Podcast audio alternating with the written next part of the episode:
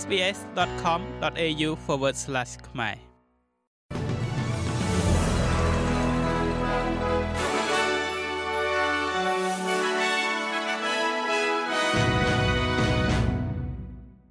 សូមស្វាគមន៍មកកាន់នេតិព័ត៌មានខ្លីៗរបស់ SBS ខ្មែរសម្រាប់ថ្ងៃប្រហ័សទី21ខែកញ្ញាឆ្នាំ2023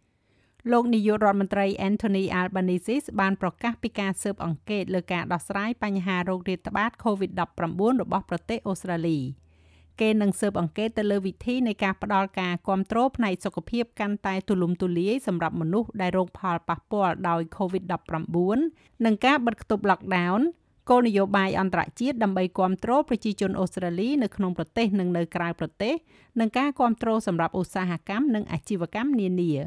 ប៉ុន្តែគេនឹងមិនពិនិត្យមើលទៅលើការបិទគប់ lockdown និងការបិទព្រំដែនដែលប្រកាសដោយរដ្ឋនិងដែនដីនីមួយៗនោះទេមេដឹកនាំគណៈបកប្រឆាំងលោក Peter Dutton និយាយថារដ្ឋាភិបាលលោក Albanese កំពុងតែការពារមេដឹកនាំថ្នាក់រដ្ឋរបស់បក Labor ហើយមិនមានចំណាប់អារម្មណ៍នៅក្នុងការរៀនសូត្រពីមេរៀននៃโรគរាតត្បាតនេះនោះទេមួយទៀតនោះតកតងជាមួយនឹងកំណែទម្រង់លំនៅឋាន ដែលរដ្ឋាភិបាលរដ្ឋ New South Wales កំពុងពិចារណាធ្វើតាមការដឹកនាំរបស់រដ្ឋ Victoria ដោយការដាក់ពន្ធទៅលើវេទិកាស្នាក់នៅរយៈពេលខ្លីដូចជា Airbnb ជាដើមរដ្ឋាភិបាលរដ្ឋ Victoria បានប្រកាសកាលពីម្សិលមិញថាពន្ធ7.5%នឹងត្រូវដាក់ទៅលើការកក់ចាប់ពីឆ្នាំ2025ជាមួយនឹងមូលនិធិដែលបានមកពីពន្ធនេះនឹងឈ្មោះទៅរកការសាងសង់និងថែទាំលំនៅឋានរដ្ឋនិងតម្លៃសមរម្យ ឥឡូវនេះលោក Chris Min អភិបាលរដ្ឋ New South Wales មានប្រសាសន៍ថារដ្ឋាភិបាលរបស់លោកកំពុងពិចារណាលើការយកពន្ធស្រដៀងគ្នានេះដើម្បីបង្កើនប្រាក់ចំណូលនិងលើកទឹកចិត្តដល់ម្ចាស់ផ្ទះនិងអ្នកវិនិយោគឲ្យបញ្ចេញអចលនទ្រព្យត្រឡប់ទៅកាន់ទីផ្សារជួលរយៈពេលវែងវិញ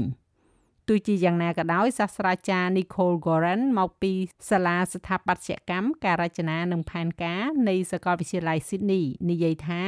ការយកពន្ធលើការស្នាក់នៅរយៈពេលខ្លីនេះនឹងមិនធ្វើឲ្យមានផលប៉ះពាល់ខ្លាំងក្លាដល់ការផ្គត់ផ្គង់លំនៅឋាននោះទេ មួយទៀតនោះតកតងជាមួយនឹងការលួចទិន្នន័យដែលខាងក្រុមហ៊ុន Pizza Hut បានបង្ហាញឲ្យដឹងថា មានការលេចធ្លាយទិន្នន័យអតិថិជនចំនួន200,000នាក់បន្ទាប់ពីការវាយប្រហារតាមអ៊ីនធឺណិតកាលពីដើមខែនេះមានសេចក្តីរាយការណ៍មកថាมันមានផុសតាំងនៃការប្រើប្រាស់មិនត្រឹមត្រូវនៃព័ត៌មានផ្ទាល់ខ្លួនរបស់អតិថិជនរបស់ Pizza Hut នោះទេ ហើយក៏មិនមានទិន្នន័យកាត credit ត្រូវបានសម្របសម្រួលនោះដែរ ចុងក្រោយនេះតកតងជាមួយនឹងសន្ធិសញ្ញាមហាសមុទ្រដែលអូស្ត្រាលីបានក្លាយទៅជាប្រទេសដំបូងគេក្នុងពិភពលោកដែលចុះហត្ថលេខាលើសន្ធិសញ្ញាសម្គាល់ទឹកដីដើម្បីការពារដែនសមុទ្រដ៏ធំល្វឹងល្វើយដែលមិនមានប្រទេសណាមួយកាន់កាប់ជាផ្លូវការនោះទេរដ្ឋមន្ត្រីការបរទេសលោកស្រី Penny Wong បានធ្វើសេចក្តីប្រកាសនៅក្នុងមហាសន្និបាតអង្គការសហប្រជាជាតិនៅទីក្រុង New York នៅព្រឹកនេះ កិច្ចព្រមព្រៀងដែលមានកាតព្វកិច្ចស្របច្បាប់នេះការពារសម្រាប់ផ្នែកធំធំនៃមហាសមុទ្រដែលមានចម្ងាយជាង200ម៉ាយពីឆ្នេរសមុទ្រ